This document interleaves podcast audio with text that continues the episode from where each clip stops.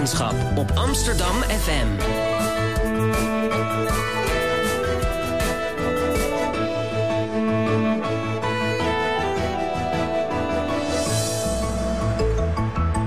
Radio Swammerdam.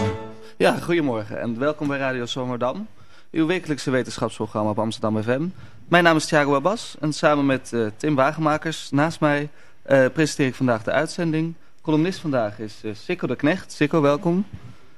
Um, we gaan het vandaag hebben over een tegenstelling in de Nederlandse samenleving. Um, aan de ene kant zou je kunnen zeggen dat het politieke debat rondom moslims de laatste jaren sterk is gepolariseerd. Uh, de toon van het debat is harder geworden. Aan de andere kant zou je kunnen zeggen dat het grootste deel van de allochtone moslims zich in Nederland prima kunnen aanpassen en geïntegreerd deel uitmaken van de Nederlandse samenleving. Waar komt dan deze verharding in het politieke debat vandaan? Hoe kunnen we deze ogenschijnlijke tegenstelling beter begrijpen? Dat gaan we vandaag onderzoeken. Dit doen wij uh, onder andere met uh, Thijs van Dorenmade. Hij uh, onderzoekt op dit moment de gevolgen van 9-11 op het politieke debat omtrent moslims in Nederland, Amerika en Frankrijk. hij is trouwens socioloog en doet promotieonderzoek op dit onderwerp. Thijs, welkom. Welkom, dankjewel, bedoel ik. Uh, onze tweede gast vandaag is Stijl uh, Sunier. Hij is hoogleraar culturele antropologie en verbonden aan de Vrije Universiteit. Hij doet op dit moment veldonderzoek naar hoe moslims integreren in de Nederlandse samenleving. Um, ten eerste gaan we dus met Thijs spreken over, de, over, over, de, uh, over het politieke debat rondom moslims in Nederland. Vervolgens kijken we met Thijs naar hoe moslims integreren in de Nederlandse samenleving. En tenslotte bespreken hoe we de polarisatie van het politieke debat kunnen overstijgen... en de islam vreedzaam kunnen laten integreren in de Nederlandse samenleving. Um, Thijs, we beginnen bij jou. Ja, jij doet op dit moment dus onderzoek naar de veranderingen uh, van 9-11 in het politieke debat in uh, de drie landen Nederland, Frankrijk uh, en Amerika. Wat, wat inspireerde je voor het doen van dit onderzoek? Um, nou, ik heb een masterscriptie geschreven. Uh, en in die masterscriptie heb ik me bezig gehouden met de hedendaagse Nederlandse politieke cultuur rond het integratie- en immigratievraagstuk. En mijn conclusie was daar eigenlijk dat in de Nederlandse politieke cultuur daar een hele grote transformatie heeft plaatsgevonden. Wanneer was dat? Uh, wanneer ik die scriptie heb geschreven, ja? of, um, dat, die heb ik in 2011 afgerond. En um, mijn conclusie was dat de traditionele Nederlandse politieke cultuur, waarbij er erg op consensus werd gehamerd en waarbij de elites samen heel netjes met elkaar omgingen om de verschillen tussen de zuilen, dus de katholieke, de protestantse, de socialistische en de liberale zuilen, die we eeuwenlang hadden in Nederland, uh, die met elkaar het oneens waren. Um, en daarvoor waren de elites nodig om het met elkaar eens te zijn dat die politieke cultuur uh, eigenlijk op zijn kop is gezet. En dat elites het nu eigenlijk inhoudelijk heel erg met elkaar eens zijn over heel veel vraagstukken. Uh, maar dat ze gepolariseerd met elkaar omgaan. Uh, dat was mijn conclusie in die scriptie. En toen heb ik in die scriptie gezegd dat dat heel veel met 9-11 te maken heeft. Dus dat 9-11 en de opkomst van Pim Fortuyn... dat dat een kantelpunt is waarop die transformatie echt zichtbaar wordt... of waardoor die versterkt is.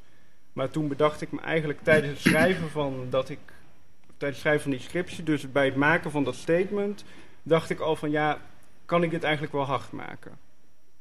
En dat kon ik op basis van die scriptie niet hard maken. En toen ben ik de literatuur over de impact van 9-11 uh, erop uh, na gaan slaan. Dus hoe daar in de politicologie en de sociologie in Nederland over geschreven wordt. Toen kwam ik eigenlijk achter dat die claim dat 9-11 heel veel veranderd heeft, dat het een hele uh, wijdverbreide claim is in de literatuur over de Nederlandse samenleving of de Nederlandse politiek, maar dat dat vaak helemaal niet zo goed onderbouwd wordt. Dus toen dacht ik, nou, dat lijkt me interessant mm -hmm. om dat is beter te gaan onderzoeken en dan te kijken hoe dat in verschillende landen zit. Ja, en jij vond uh, theoretische onderbouwing voor je, voor je onderzoek in het artikel van Sewell. En hij zegt dat we een gebeurtenis uh, moeten bekijken als een, als een sociologische theorie. Uh, wat, wat bedoelt hij daarmee? Um, nou, hij bedoelt dat sociologen over het algemeen heel goed zijn in het nagaan hoe grote economische, culturele veranderingen, dus hoe het kapitalisme voor veranderingen zorgt, hoe uh, culturele veranderingen zoals modernisering, um, hoe die grote bewegingen in de samenleving op gang brengen. Maar dat de invloed van grote gebeurtenissen op uh, sociale verandering vaak in de sociologie onderbelicht is gebleven. Um, dus we hebben het bijvoorbeeld wel over de Franse revolutie, over de val van de muur. Ja, dat uh, de, de, Franse revolutie, dat gebruikte hij als voorbeeld, hè, de dat Franse artikel. revolutie is zijn uh, centrale voorbeeld wat hij gebruikt. En hij zegt, uh, bij de Franse revolutie wordt eigenlijk voor het eerst zichtbaar dat burgers in staat zijn om politieke vrijheid op te eisen. Dus dat van onderop mensen in staat zijn om een democratie te beginnen of te zeggen, ja, wij hebben recht op politieke vrijheid. En hij zegt zonder de bestomming van de Bastille, dus dat is het begin van de Franse Revolutie, um, hadden we eigenlijk die politieke vrijheid zoals we die nu kennen, was dat anders geweest. Dus we kunnen wel zeggen, ja, die, het ontstaan van politieke vrijheden heeft heel veel te maken met langere culturele bewegingen, zoals de verlichting, of met, uh, misschien met het kapitalisme. Maar eigenlijk moeten we zo'n grote gebeurtenis als de Franse Revolutie of de bestorming van de Bastille, de specifieke gebeurtenis van de bestorming van de Bastille, die moeten we meenemen om een totaal beeld te krijgen van hoe de geschiedenis zich ontwikkelt. Maar tegelijkertijd dan niet vergeten wat daaraan vooraf ging. Want ik bedoel, nee. de Franse Revolutie heeft een opmaat gehad en Zeker. misschien 9-11 ook wel een, een, een Zeker. Uh, tendensen die daar voor al zichtbaar waren. Ja, ja, ja, dus een gebeurtenis die wordt alleen maar geïnterpreteerd door de dingen die er daarvoor al gebeurd zijn. Dus jij, uh, iemand gaat een gebeurtenis interpreteren op basis van de informatie of de ideeën die hij heeft op het moment dat de gebeurtenis plaatsvindt. Uh, maar wat een grote gebeurtenis doet, uh, en de vraag is dus, is 9-11 zo'n grote gebeurtenis, is wijzen op mogelijkheden of op onmogelijkheden die eerder ondenkbaar waren geweest. Dus in het geval van de Franse Revolutie is het, hey, burgers zijn daadwerkelijk in staat om politieke vrijheid op te eisen. En daardoor gaan opeens heel veel dingen verschuiven. Want daardoor moeten machthebbers opeens rekening houden met het feit dat burgers misschien wel eens een revolutie uh, zouden kunnen beginnen. En hoe is dit van, van toepassing op 9-11? Of hoe zou je dit kunnen toepassen op 9-11? Um, het zou zo kunnen zijn, maar goed, dat is dus de vraag. Uh, dat er al langer een idee was uh, van de Clash of Civilizations, zoals dat neergezet is door Samuel Huntington. Amerikaanse politicoloog. En dat 9/11, Wat bedoelt hij daarmee, de Clash of Civilizations? De Clash of Civilizations, daarbij bedoelt hij dat er een, na het einde van de Koude Oorlog... een nieuwe grote conflict in de wereld is, bestaat uit de clash tussen verschillende beschavingen...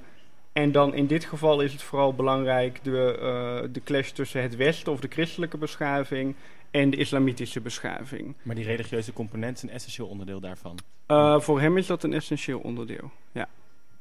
Um, ja, en voor bij 9-11 zou het dus zo kunnen zijn dat uh, dat het moment is waarop mensen al jarenlang erover gediscussieerd hebben, over die Clash of Civilizations. Um, maar dat 9-11 dan het moment is waarop mensen zeggen: hé, hey, inderdaad, die Clash of Civilizations vindt plaats, want moslims plegen een aanslag maar in het Westen. Is zo'n grote gebeurtenis dan een soort tipping point?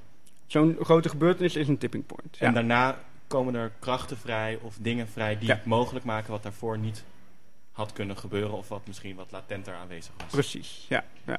ja ik heb een vraag naar aanleiding hiervan u, u vergelijkt Frankrijk en Nederland en Amerika ja. met elkaar. En op een of andere manier heeft 9-11 in mijn hoofd altijd een combinatie of een link met Pim Fortuyn. Ja. Als iemand die ook zei van zie je wel, er is iets aan de hand. Ja. Kun je dat ook in uw onderzoek zien hoe sterk de invloed is geweest van Pim Fortuyn? Um, voor het veranderen van een samenleving? Daar ben, ik ben op dit moment bezig met dat te onderzoeken van hoe, hoe belangrijk dat is geweest. Maar ik denk dat Fortuyn um, zeer belangrijk is geweest voor die uh, verandering die we in Nederland hebben gehad. En het is ook zo dat Fortuyn een paar weken voordat 9-11 plaatsvond... Mm -hmm. uh, aankondigde in de politiek uh, te willen gaan. Dus nadat 9-11 had plaatsgevonden kon hij zeggen... want hij is een van de mensen die al die these van Samuel Huntington voor 9-11 voor het voetlicht bracht in de Nederlandse samenleving. Dus ja. na 9-11 kon hij gaan zeggen van zie je wel, uh, dit zeg ik al jaren. Dus hij is een van de spelers die op het moment dat 9-11 plaatsvindt ervoor kan zorgen dat een verandering op gang komt. Telsen, ja. hebt ook een Ja, nou, ik, ik wou er even aan toevoegen. Het is een interessant punt. Ik heb een promovendus die doet op dit moment onderzoek. Dat is een communicatiewetenschapper naar berichtgeving. En die, die nou ja, dat is zeg maar, een communicatiewetenschappelijke analyse ja. van berichtgeving van Nederlandse kranten. En die laat dus ook, die, die heeft onder andere over wat er, zeg maar, wat er gebeurt na 9-11. Hoe als het ware in berichtgeving verklaringen als het ware gekoppeld worden aan dingen die daarvoor gebeuren. Dus het, Mhm. je, je ziet dus dat achteraf eh, een gebeurtenis als het ware steeds meer opgeladen wordt met allerlei, allerlei verklaringen die van voor die tijd zijn. Dus het, het, het, het wordt daardoor een heel complex van, van, van gebeurtenissen en verklaringen. Dus het is, het is een interessante analyse dit. eh. Ja. Ja, eh, Thijs, ik heb nog een vraag. Je hebt, op de, je hebt ook eh, al voorwerk gedaan, hè? Je hebt de politieke experts Zeker. ehm, geïnterviewd ehm, over de impact van 9-11 op het politieke debat in de drie landen. Mhm. Eh, Amerika, Frankrijk en Nederland. Mijn eerste vraag is eigenlijk, waarom deze drie landen? Ehm, deze drie landen, omdat ik denk dat je kunt verwachten dat er in die drie landen een andere impact van 9-11 is. Nederland, daar verwachten we allemaal van in Nederland dat er een hele grote impact is van 9-11. Ehm, precies omdat het va- samenvalt met de opkomst van Wim Fortuyn. En omdat we daarna de opkomst van de LPF krijgen. We krijgen Geert Wilders en dat hadden we daarvoor allemaal niet. Dus daar moet iets zijn met 9-11, denken we, wat daarmee te maken heeft. Ehm, Frankrijk, omdat het eigenlijk een beetje het tegenbeeld is van Nederland. Want in Frankrijk had je al heel lang een vrij sterke eh, rechtspopulistische partij, namelijk het Front National. Ehm, en die hadden al veel meer ervaring met islamitisch eh, terrorisme. Bijvoorbeeld in de jaren negentig hebben islamitische eh, eh, fundamentalisten eh, metro's in Parijs opgeblazen. Terwijl in Nederland kennen we dat fenomeen nog helemaal niet. En Amerika, eh, ja, omdat het de plaats is waar de gebeurtenis heeft plaatsgevonden. Dus dan is het interessant om het land waar het heeft plaatsgevonden te vergelijken met landen waar het niet plaatsvindt en hoe dat uitwerkt. En wat vond je in de interviews? Wat vertelde die experts je? En wie waren Ehm, die experts ook? voor? Mijn Ah, ja. experts waren mensen die voornamelijk aan de universiteit in die drie landen werken. En eh, die eh, zelf onderzoek doen naar dit soort vraagstukken. Dus pol- eh, politicologen, sociologen, antropologen, ehm, dat soort mensen. Geen opiniemakers in die zin. Eh, geen opiniemakers, nee. En welke verschillen vond je dan tussen die eh, landen? Tussen, ja.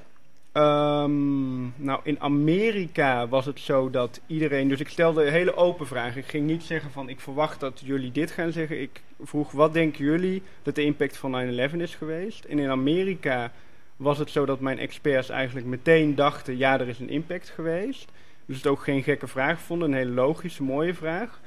Eh, en die begonnen meteen over de internationale politiek en terrorisme en veiligheid te praten. In Nederland was het zo dat onderzoekers ook eh, dachten van nou dat is een interessante, relevante vraag. Precies vanwege de redenen die ik net heb gegeven. Maar daar begonnen ze eigenlijk meteen over moslims te praten. Dus zo zie je dat een gebeurtenis in twee landen al meteen in een hele andere frame of een hele andere ehm, mindset eh, neer wordt gezet. Dus in Amerika wordt het heel erg gezien als een gebeurtenis die iets met veiligheid, met terrorisme, met internationale politiek te maken heeft. En in Nederland wordt het meteen ve- veel, eigenlijk veel meer op Nederland betrokken. Namelijk wat moeten wij als Nederland met de moslims in Nederland naar aanleiding van een grote gebeurtenis als 9-11. En in Frankrijk was het interessant genoeg zo eh, dat mijn experts vaak zeiden... ehm, ja, waarom zou je dit eigenlijk voor Frankrijk willen onderzoeken? Want Frankrijk is helemaal niet zo'n interessant land voor 9-11. Want 9-11 doet er voor Frankrijk eigenlijk helemaal niet zo toe. Wij hadden al langer terrorisme, wij hadden al langer die discussie over de integratie van moslims. Ehm, dus voor ons is het niet zo interessant, eh, 9-11. Ja, Dus dan zie je al drie hele verschillende reacties op zo'n Ja. eh, vraag. Interessant. En hoe, hoe ga je het verder onderzoeken? Ik ga het eh, verder onderzoeken door ook eh, berichtgeving in de media te bekijken. Dus op dit moment ben ik bezig met eh, heel veel krantenartikelen in, uit Frankrijk, uit Nederland en uit Amerika. Dus in Amerika bijvoorbeeld de New York Times, in Nederland de Volkskrant en de NRC. In Frankrijk Le Monde en Le Figaro, de grote kranten. En hoe die dan schrijven over 9-11, hoe die dan schrijven over moslims. En hoe dat zich in de jaren na 9-11 ontwikkelt. En wanneer verwacht je klaar te zijn met het onderzoek? Wanneer verwacht ik klaar te zijn? Over twee jaar. Oké, nou, dan Ja. misschien nodigen we je dan nog een keer uit. Graag. Eh dankjewel, in ieder geval tot zover. We gaan, eh, we gaan er even tussenuit met een liedje. Een islamliedje. Eh, Hans Steeuwen zingt over de islam.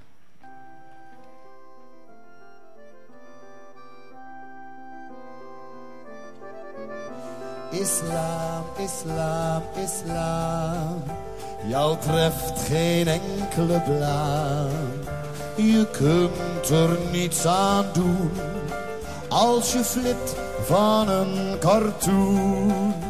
Je zult nog moeten leren met vrijheid om te gaan. Homo's accepteren en de vrouwtjes niet te slaan. Ga jezelf bevrijden, gooi je haren in de wind. Hou op met dat besnijden, het is niet prettig voor zo'n kind. Ga heerlijk zonnebaden en doe dat lekker bloot. Eet een stukje varkenscarbonade met een jood.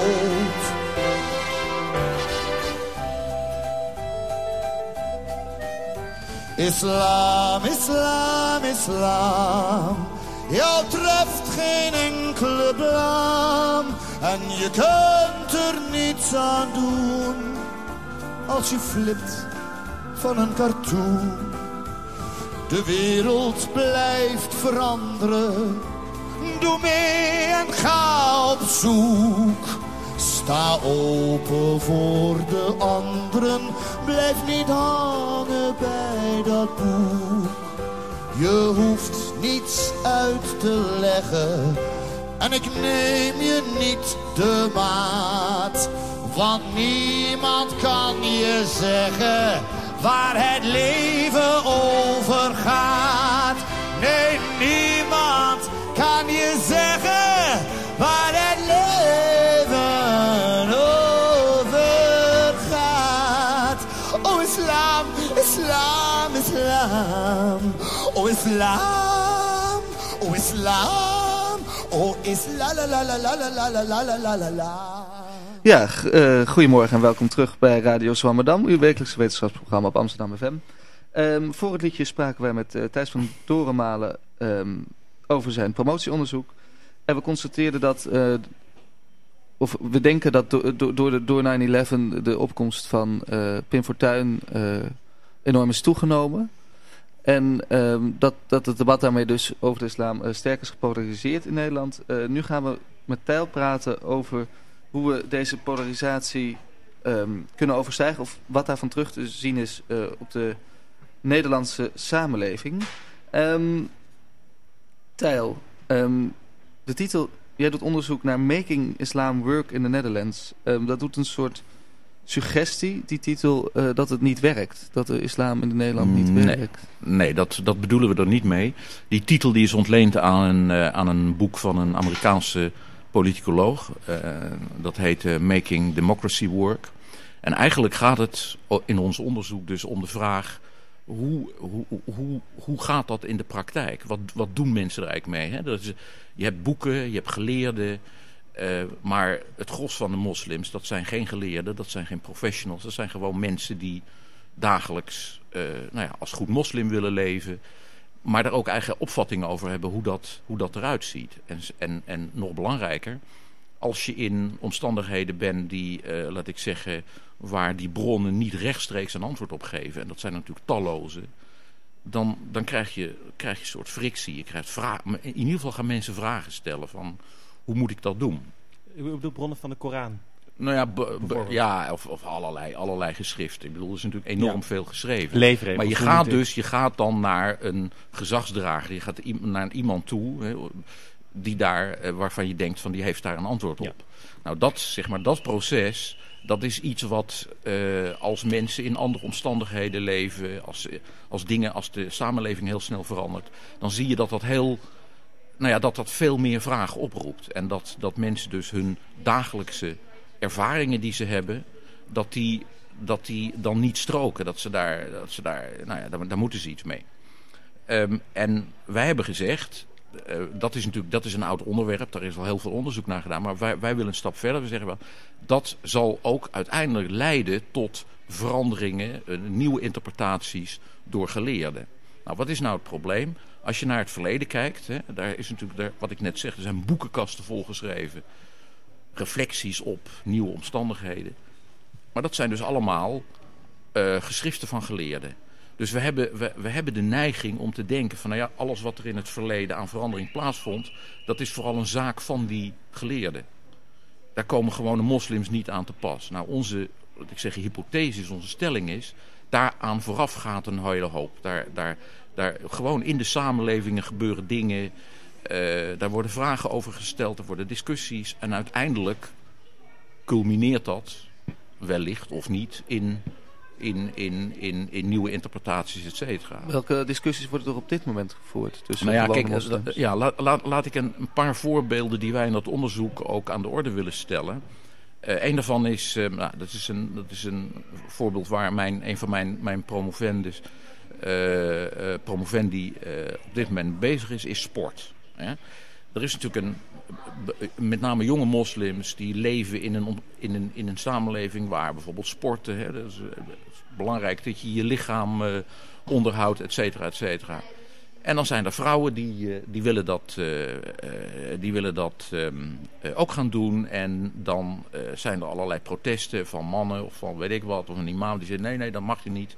Dat, dat, dat is niet goed voor vrouwen. En die vrouwen zeggen dan, hoezo is dat niet goed? Wie bepaalt dat? Nou, zo'n soort situatie, en dat is niet, bedoel, dat, dat, dat, dat creëert als het ware een basis voor, voor een discussie.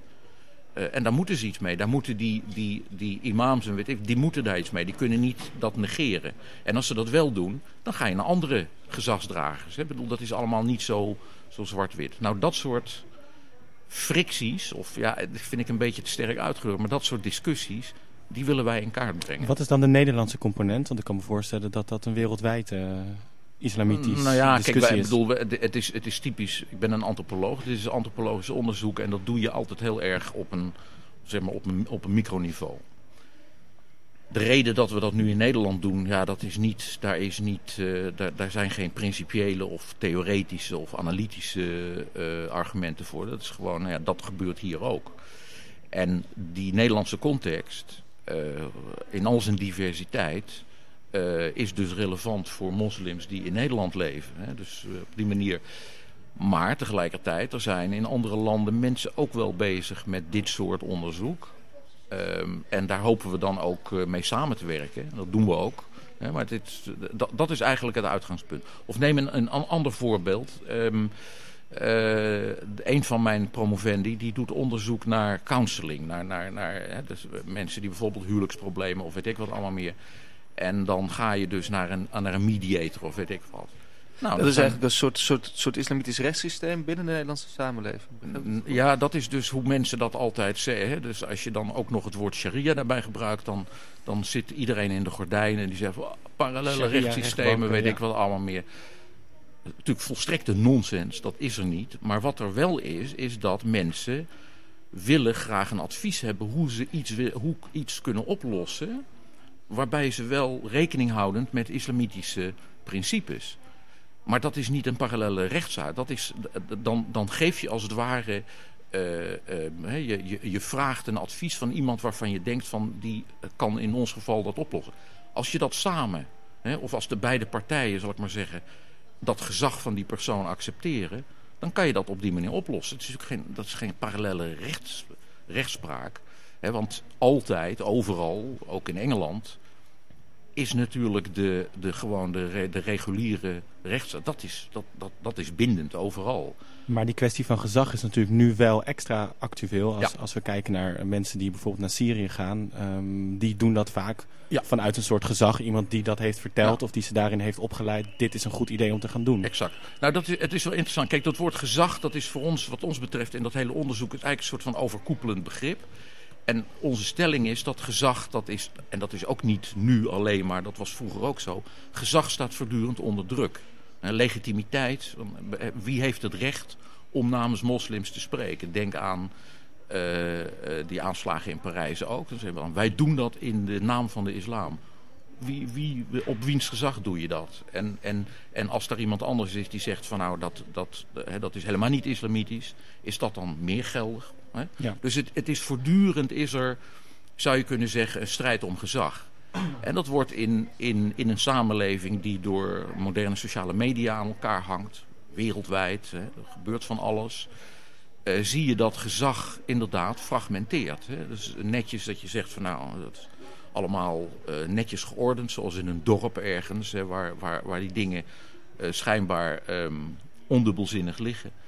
Eh, dat is zeker in, in, in grote steden is dat al lang niet meer. Dat is, dus, dus je ziet dat gezag eigenlijk een heel belangrijk, naarmate dus de islamitische gemeenschappen diversifiëren, hè, dus diverser worden, et zie je dat die kwestie van gezag en representatie steeds belangrijker gaat worden. Dus dat, dat willen wij in kaart brengen. Maar voor de gewone... ik, ik vind het bijna eh gênant om te zeggen de gewone moslim, maar in ieder geval... De niet-profies. Ja, in, in, in het ja. algemeen is Ja. dat toch eh, net zoals vroeger eh, wij de, de kerk hadden met de pastoor die het gezag had, is dat de imam in de Ja, buurtmoskee. nou ja, maar kijk, dat is een, goed, een goede vergelijking. Je zou kunnen zeggen, het gezag van die, van die pastoor, dat is niet, die was honderd jaar geleden, had hij een hele andere basis dan nu.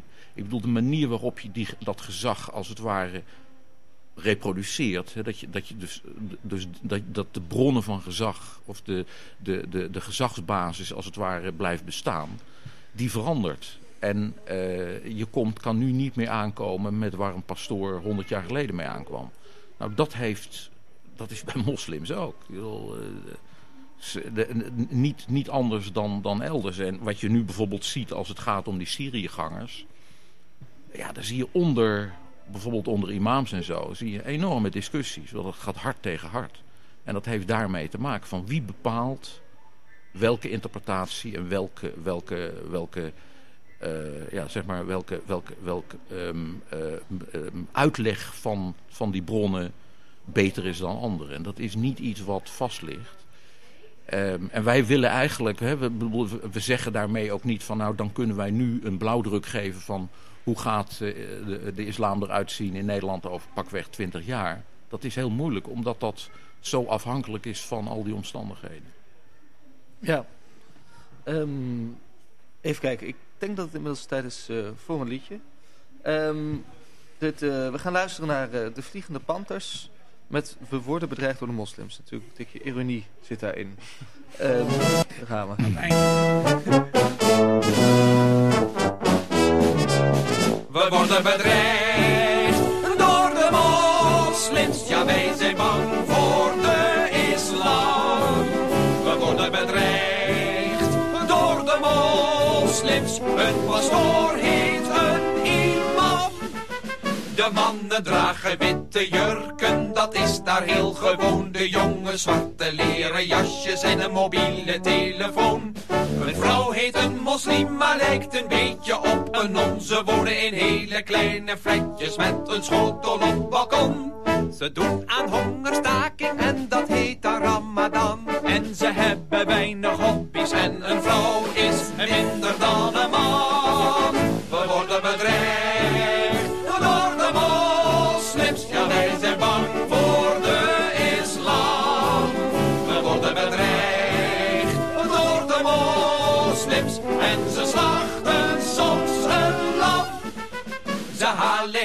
Lage cijfers en werken doen ze niet. Ze drinken hele sterke koffie en roken hash of wiet. Ze hebben maar drie namen, Ahmed, Ali, Mohammed. Hun vrouwen zien we bijna nooit, die zitten binnen in hun flat. Ze hebben ook hun eigen taaltje, niet gespeend van hysterie. Het klinkt voor ons nogal boosaardig en zonder een greintje ironie. We worden bedreigd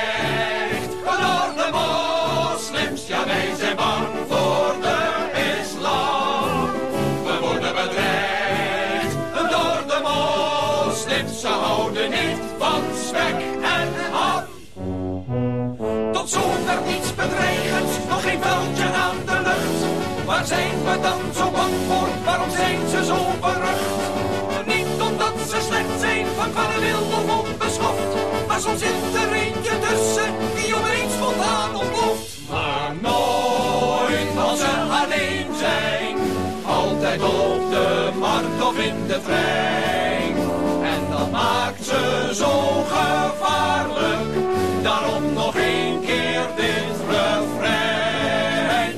We worden bedreigd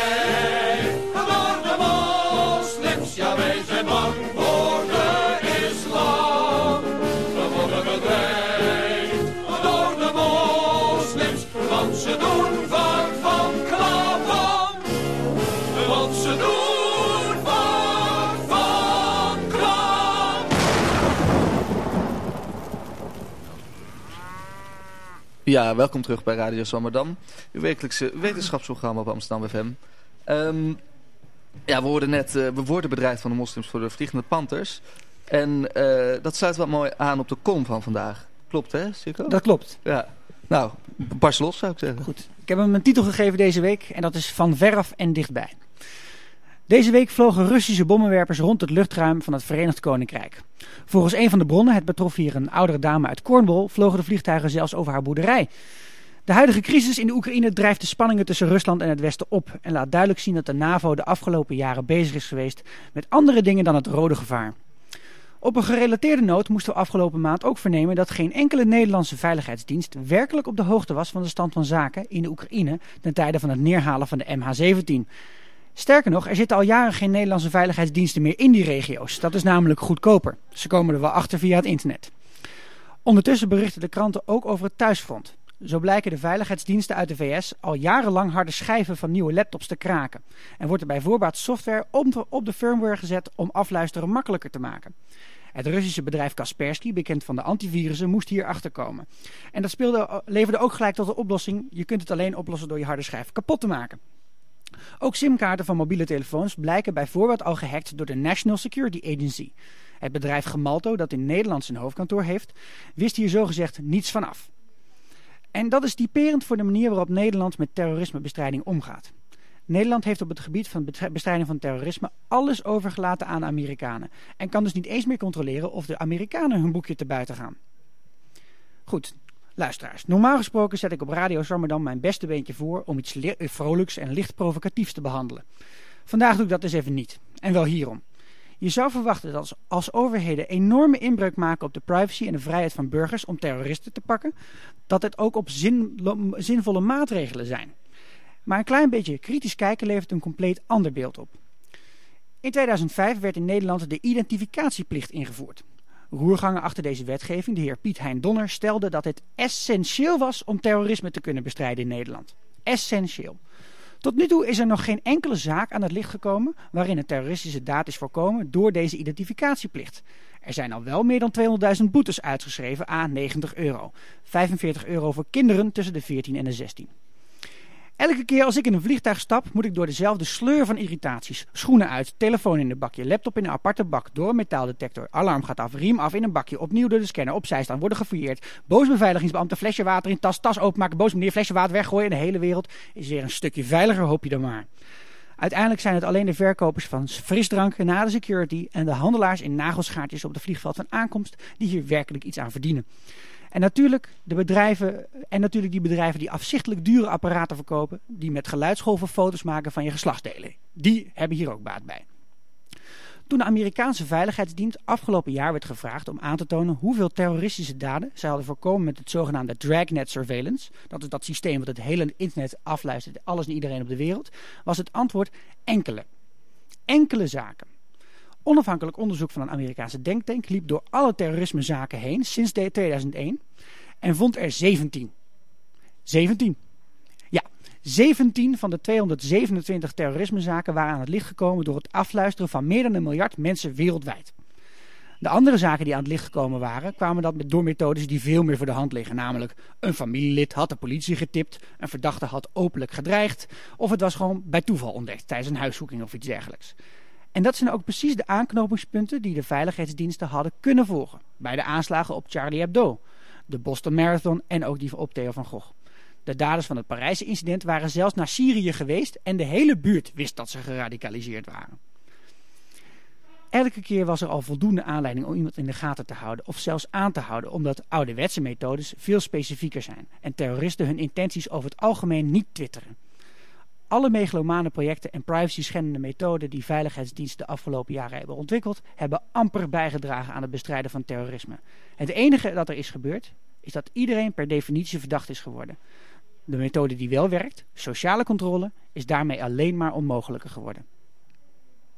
Ja, dankjewel, Sikko. Alsjeblieft. Zijn er reacties? Uh, gasten, iedereen? Ja, ik, ik, ik, ik sluit me bij, van harte bij aan. Ik denk dat dat... Uh, dat, dat uh, nou, ik vind... Ik, als je het over het debat hebt over, uh, over de plaats van moslims in deze samenleving... dan vind ik dat die hele veilige, dat, dat, dat die securitering, of hoe je dat een beveiligingsverhaal, wat steeds maar sterker wordt benadrukt, ja, dat dat de samenleving er niet leuker op maakt. En, en, en, en dat, je, dat we dus heel erg toch in een soort van, in een soort van uh, grimmige uh, samenleving terechtkomen. Ik denk dat dat voor niemand voordelig is en dat we daar niets mee opschieten. En inderdaad, als dan gewoon de keiharde cijfers laten zien dat het allemaal weinig uithaalt, dan denk je jongens, doe even normaal. Ja. Nou, wat, je, wat je zag naar Charlie Hebdo is dat die jongens, daar was gewoon van bekend dat ze naar Syrië waren geweest. Nou, dat is, daar hoef je niet eens een uh, computer voor te hebben om dat bij te houden. Het staat gewoon in je paspoort. Ja. En heel de buurt wist wat er aan de hand was met deze jongens. Alleen die banlieues in Parijs die liggen zo ver af van uh, wat de, de, hmm. de, zeg maar de, de, westelijke elite interessant vindt, dat daar helemaal niet naar geluisterd wordt. Nee, dat hmm. lossen we wel op met een uh, Maar met een in die zin is het daar net anders toch? Want zij waren gevolgd, ze waren gesurveilleerd. Alleen op een gegeven moment is die geheime dienst daarmee gestopt. Ja, waarom dan? Nou, dat weet ik niet. Maar het is in ieder geval wel zo dat ze ook met het opsporingswerk dat ze deden, ze in ieder geval wel een tijdje in het vizier hebben gehad. Waarom ze gestopt zijn, dat weet ik niet. Nee, maar dat had geen, verder geen flikker te maken met het afluisteren van mobiele telefoons, laptops en et cetera. Waar als je goed op, oplet nu, hè, een beetje wat er allemaal boven komt drijven. Ik weet dat dat uh, moeilijk blijft om geïnteresseerd te blijven in wat Edward Snowden bijvoorbeeld vertelt. Is dat daar miljarden in zijn gestopt. Echt miljarden.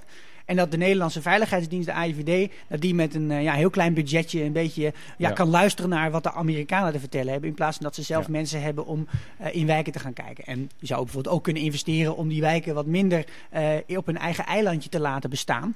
En wat meer bij de maatschappij te betrekken met allerlei leuke projecten. Maar dat wordt ook allemaal niet meer gedaan, want daar is geen geld meer voor. Nou Tel, ik vroeg me wel af gezien jouw onderzoek. Is, is, is dat ook iets waar bijvoorbeeld de overheid mee in contact treedt? Dat ze interesse hebben in juist dat onderzoek naar de relatie tussen gezag en de islam. Want dat is een manier om het beter nou, te begrijpen. Nou kijk, de, de, ik zat er net aan te denken. Je, je, noemde net in je column, had je het over sociale controle. Hè? Dat klinkt ook voor sommige mensen een beetje negatief. Maar het idee dat als het ware de samenleving, hè, dat de, de textuur van de samenleving heel belangrijk is om, nou ja, om je tot elkaar te verhouden. Ik, ik, een voorbeeld, dat heeft wel degelijk met ons onderzoek te maken. Buurtva Marokkaanse buurtvaders. Uh, die kunnen ontzettend belangrijk zijn. Dat zijn niet mensen, dat zijn niet, dat zijn niet gezagsdragers in een soort van officiële zin van het woord. Maar dat zijn gewoon mensen die, die hun omgeving kennen. Maar die worden veel te weinig gebruikt. Dat is, dat is, voortdurend wordt dat benadrukt. Gebruik, maak daar gebruik van. Gebruikt door de overheid? Of door Bijvoorbeeld, de, ja. dus werk daarmee samen. Maar wat je dus nu ziet gebeuren is dat er een soort van scherpe scheidslijn... Daar heb je moslims en wij als overheid, als samenleving moeten daar iets mee. En dan denk ik, zij zijn een onderdeel van die samenleving. Maak hen niet zozeer deel van jouw, uh, jouw veiligheidsproject. Maar, maar, maar maak die samenleving meer tot een samenleving. En zeg van nee, dat, dat, dat moeten we samen oplossen. En daar gebeurt van alles.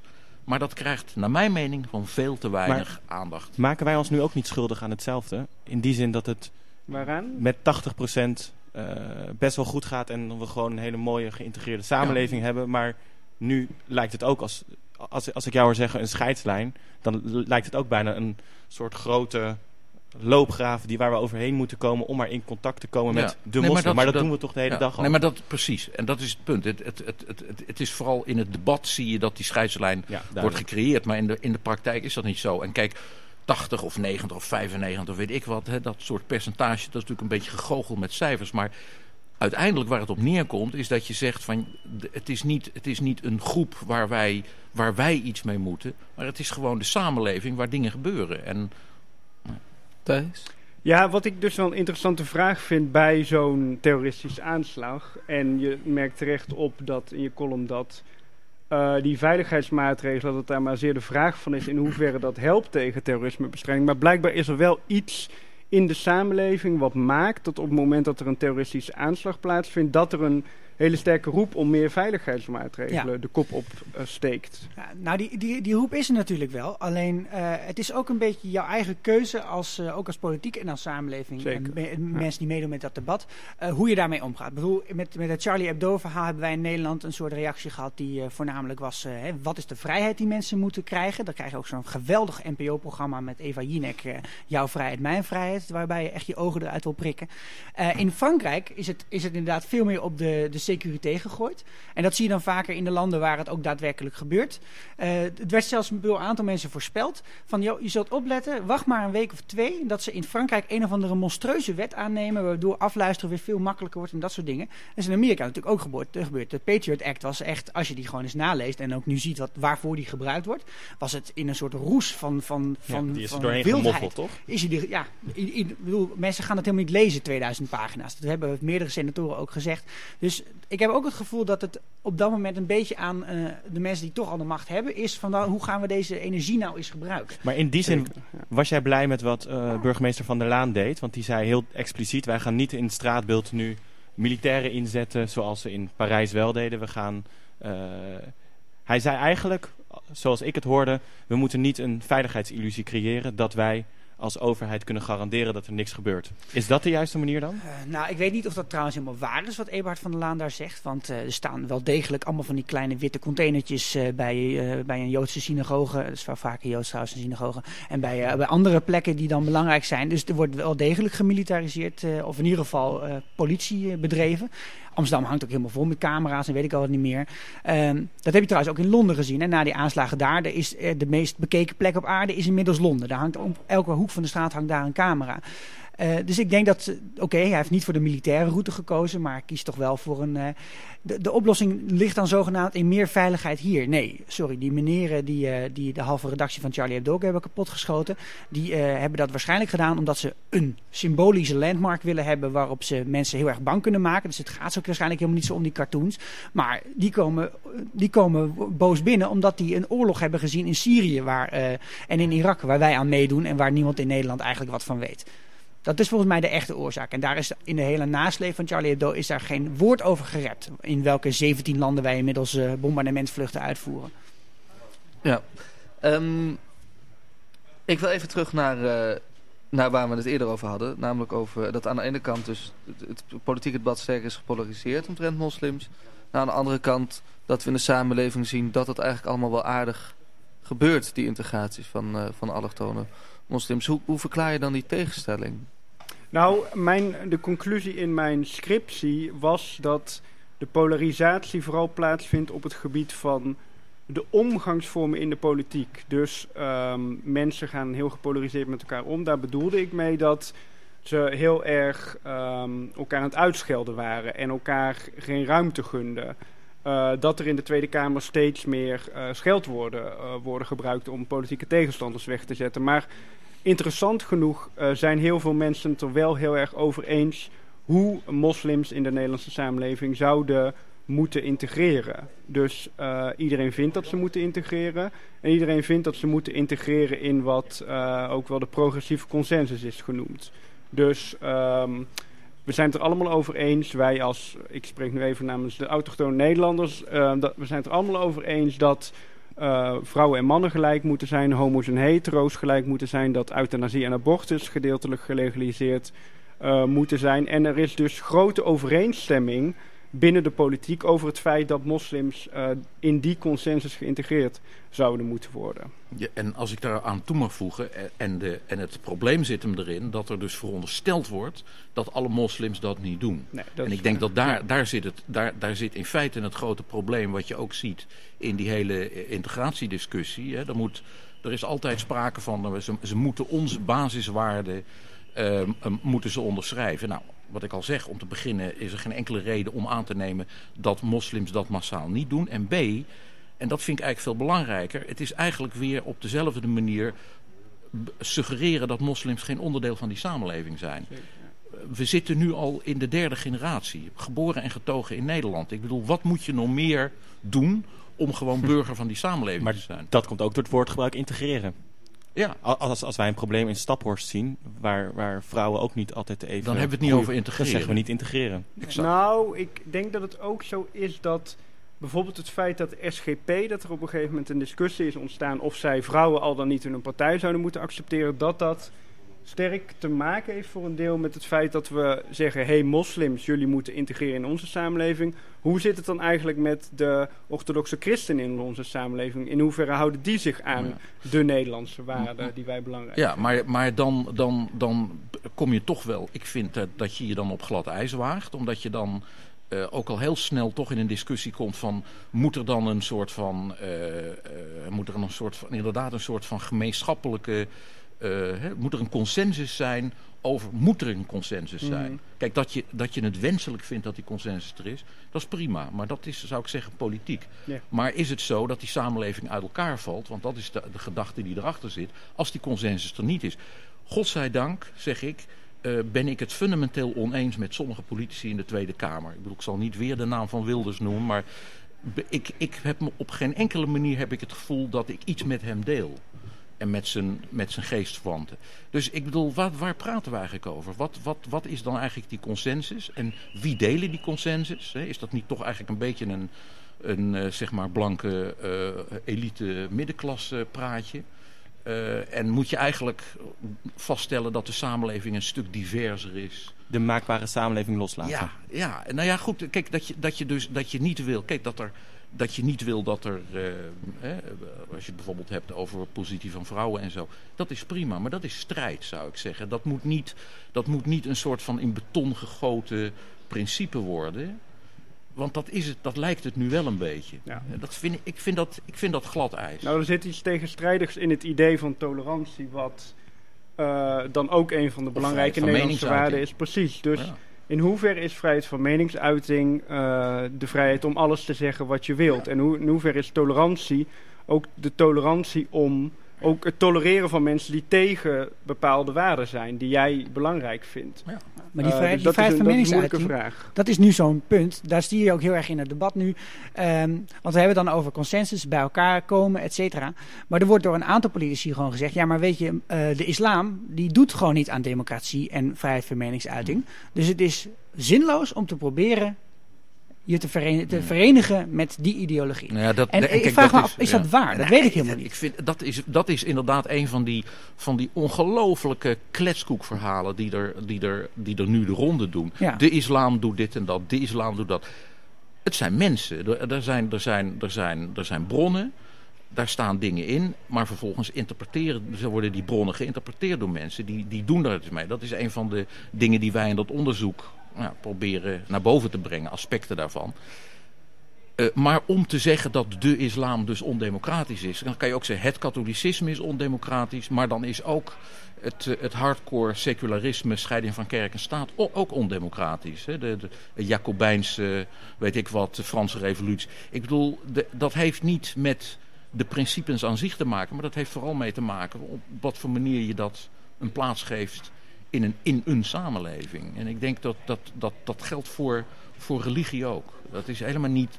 Religie moet je daarin niet als een soort van aparte categorie zien. Want ja, dat, daar gaat het alleen om het woord van God. Dit is zo'n dooddoener. En op welke manier zou je dat dan een plaats moeten geven in de, in, in de samenleving? Nou ja, eh, kijk, eh, je moet m- m- moslims, net als anderen, eh, zijn een onderdeel van die maken deel uit van die samenleving. Zijn daar, hè, eh, doen, doen dingen zoals andere mensen dat ook doen. Eh, en er is, een, er is een klein verschil en dat is dat ze zich aan bepaalde eh, religieuze principes, hè, dat, ze, dat, ze, dat ze als goed moslim willen leven. Zoals een, iemand een goed christen of wat dan ook. Dat, dat, dat is eigenlijk het enige verschil. Maar voor het grootste deel van de tijd zijn ze burgers van die samenleving. Die naar school gaan, die naar hun werk gaan, die hun kinderen opvoeden, weet ik wat allemaal meer. En je ziet daar dus ook al heel snel dat bijvoorbeeld als er zo'n aanslag in Parijs plaatsvindt, hè, dat je dus die, die vraag krijgt van, eh, moet ik daar als moslim iets van, waarom zou ik daar meer wat van moeten vinden dan een niet-moslim? Maar dat is een beetje weer die gezagskwestie, toch? Maar dan de andere kant op. Ja, Want ja, dan je- vraag je opnieuw mensen om te spreken voor de islam. Precies, precies. En ik denk dat dat, dat, is een, dat is een soort van moreel appel wat ik wel begrijp. Je moet je natuurlijk, als jij zegt ik ben moslim en iemand in naam van jouw religie doet iets wat jij afkeurt, dan moet je je daartoe verhouden. Dan kan je niet zeggen, van, ja, daar heb ik niks mee te maken. Maar de manier waarop je je daartoe moet verhouden, wil niet, moet niet betekenen dat je eerst een soort van mantra zo van ik ben er tegen en vervolgens. Hè, maar dat, dat Het lijkt. wordt, het wordt ook een lege kreet als het Het wordt gevraagd een soort wordt. van lege kreet, ja, precies. En, dat, en, en, en het, het, het zorgt er alleen maar voor dat, dat dingen op een verkeerde manier op scherp worden gezet. En ik denk dat je dat, dat je als je veel meer kijkt naar wat er gewoon, hè, de, de facts on the ground zoals het heet, wat er eigenlijk in de dagelijkse samenleving gebeurt, dat je daar toch een ander beeld van krijgt. En Th- Thijs, in het politieke debat dat jij dan hebt gevolgd en wat een beetje gepolariseerd is, die oproep van Abu Taleb. Ja. Ehm, is dat ook een voorbeeld van eh polariserendere uitspraken? Ik zou zeggen dat het een zeer polariserende Welke uitspraak oproep is. hebben we het Ja. over? Eh, de oproep dat eh, iemand die het hier niet naar zijn zin heeft, en co- corrigeer me als het niet goed is, eh, dan rot je maar op. Volgens mij zei hij, als je niet kan accepteren dat wij hier lachen om... of dat wij hier een bepaald soort humor hebben, dan rot je maar op. Ja. Ja. Nou ja, ik zou zeggen, mijn punt wat ik net maakte over tolerantie. De tole- we, in Nederland zou, is het ook zo dat we mensen die bepaalde humorvormen niet accepteren, dat we die ook eh, tolereren. Dus ik vind het nogal wat om te zeggen dat mensen die die humorvorm van Charlie Hebdo of welke humorvorm dan ook niet accepteren, dat die maar op moeten rotten. Ik vind dat zeer polariserend inderdaad. Ja, ik vind dat nogal een grote uitspraak. Ja. En in die zin, we, hadden het even over de SGP, hè, dat, dat die nu onderdeel van ons politieke bestel zijn en dat dat ook ervoor heeft gezorgd dat ze meer onder de aandacht zijn gekomen en dat dat hele integreren niet meer per se een issue is. Zou in die zin een moslimpartij een oplossing kunnen zijn voor het polariseren? Kijk, We hebben nu de beweging Denk. Ja, er zijn natuurlijk er zijn, eh, er zijn moslimpartijen. Eh, maar de, de ervaring leert dat, die, dat, dat, dat dat toch te veel door moslims, hè, niet door niemand, als een soort van one-issue partij wordt gezien. Zo van, ja, dat is, eh, en dan kan je zeggen, ja, maar hoe zit het dan met de SGP inderdaad, of met het CDA, noem het maar op. Eh, ehm, nou ja, dat heeft natuurlijk, ten eerste heeft dat gewoon te maken met aantallen. En moslims is gewoon een klein groepje mensen. Is Maar- dat zo? Ja, dat is natuurlijk. De, de, de, de, de, de- het is naar verhouding is het niet een hele grote groep, hè, statistisch. Ik heb het niet over eh, of je Ja. praktiseert of zo, maar statistisch wat Ja, ik je. bedoel in deze zin ook electoraal. Ja, nou ja, kijk, En waar is electoraal die zijn moslims. tsunami? eh, Ja, dat is maar toch de, ja. Electoraal zie je dat moslims over de hele, de hele politieke bandbreedte vertegenwoordigd zijn. En eh, niet, niet alleen maar zeggen van nou ik wil... Maar goed, als die er wel is, dan denk ik, eh, mijn zegen heb je. Ik wil, ja. Dus als politieke bedrijf, dat is democratie. Dus, Ja. ja. Nou, je zou kunnen zeggen dat het feit dat zo'n partij nog niet echt van de grond is gekomen, is een teken van het feit dat ze wel behoorlijk geïntegreerd zijn. Ja, Namelijk dat ze zich thuis genoeg voelen bij andere partijen om niet een eigen partij op te willen Ja. richten. Zeker. Ik denk dat dat een heel, duidelijk, heel belangrijke waarneming is. Ja, maar als ze dan in een partij zitten, dan eh, stappen ze er ook met z'n tweeën weer uit. Ja, eh. soms wel. Soms eh, zorgen ze ook voor problemen. Maar Toch? ze zorgen, Ja. Abu Taleb en Al-Bayrak Ja. bij de PvdA, die hebben, dat zijn altijd keurige Ja. partijleden geweest. Dus- Hebben jullie het gevoel dat het onderzoek bijvoorbeeld wat jij doet een beetje landt bij de overheid? Want er is natuurlijk een inherente spanning tussen wij moeten een oplossing Ja. hebben eh, en wij willen weten hoe het zit. Ja, nou ja, kijk, dat, is natuurlijk, dat heeft te maken met wat tegenwoordig in de wetenschap met een mooi woord valorisatie wordt genoemd. Want het, het nuttig maken van je onderzoekbevindingen voor de maatschappij. Eh, ik hoop het wel, ik weet het niet. Ik, eh, ik, ik, ik benadruk altijd maar weer, als mij dat wordt gevraagd, als het gaat over onderzoeksagenda's, dan zeg ik, je hebt slow science nodig. Wat ik slow, hè, je, je, moet, je, moet, je moet ook ruimte geven voor onderzoek wat niet eh, in drie dagen klaar is met een paar cijfertjes en dan zegt zo zit het, motivation, weet ik wat. Rapporten die dan enorme aandacht krijgen, maar die eigenlijk ons weinig vertellen over processen. Nou ja, en juist in eh, het debat rondom de islam lijkt het risico mij groot dat onderzoek snel gebruikt wordt als opinie of snel Ja, ja. eh, dat mensen mee aan de haal gaan. Maar goed, tegelijkertijd wil ik, eh, dat willen wij allemaal als wetenschappers, dat, dat wat wij op papier zetten, dat daar, eh, nou ja, dat daar naar geluisterd wordt. Maar je moet niet de illusie hebben dat het een soort van, nou hier is een rapport of hier is een boek en nou gaan politici op basis van dat boek, zo werkt dat niet. Maar het is belangrijk om dat steeds opnieuw te benadrukken. Zeggen van, nou ja, er zijn, dit zijn belangrijke thema's, dit, dit moeten we benadrukken, et cetera, et cetera. Ja, ehm, ik moet heel eerlijk zeggen dat ik even door mijn vragen heen ben. Dus Nou, ik vroeg me nog wel af, ehm, in het onderzoek naar het polariseren, ehm, zie je ook een tegentendens? Heb je ook aanwijzingen dat we misschien juist een beetje aan het nou, de-escaleren is wel erg zwaar. Depolariseren zijn. Depolariseren, is dat een woord überhaupt? Nou, ik denk het niet. Nee, ik denk het. Ja, bijvoorbeeld Job Cohen was iemand die eigenlijk tegen de polarisatiestrategie inging. En die kwam op in, dat was in 2010, eh, werd hij partijleider van de PvdA. En toen werd er gezegd, ja, dit is eigenlijk het antwoord op Wilders. Maar uiteindelijk bleek hij helemaal niet zo'n goed antwoord op Wilders te zijn. En bleek hij Nou, hij werd bijna dan eh, de grootste partij, maar uiteindelijk eh, deed hij het als oppositieleider niet heel goed. En is hij vervangen door Samson. En Samson is wel een vrij gepolariseerde politicus op bepaalde momenten. Dus nou, ik vraag het me af of de polarisatie voorbij is. Ik denk dat we er nog steeds middenin zitten. Mm. Maar een kopje thee drinken op zijn tijd is... eh, Kan geen kwaad. dat kan Dat absoluut geen dat kwaad. Dat, geen is niet naïef, dat is ontzettend belangrijk. Oké, nou, dat lijkt me een mooie, mooie boodschap en einde van eh, deze uitzending. Ehm, ik bedank hierbij mijn gasten. Thijs van Dorenmade, Tel Sunier, dank jullie wel. Ehm, columnist Sikko de Knecht, hartelijk dank. Tim Wagenmakers, eh, ook bedankt, medepresentator. En achter de knoppen Lieve vandaag. Ehm, ja, ik zou zeggen, volgende week eh, gaat eh Evelien het hebben over nationaliteit. En tot zover en een hele fijne zondag.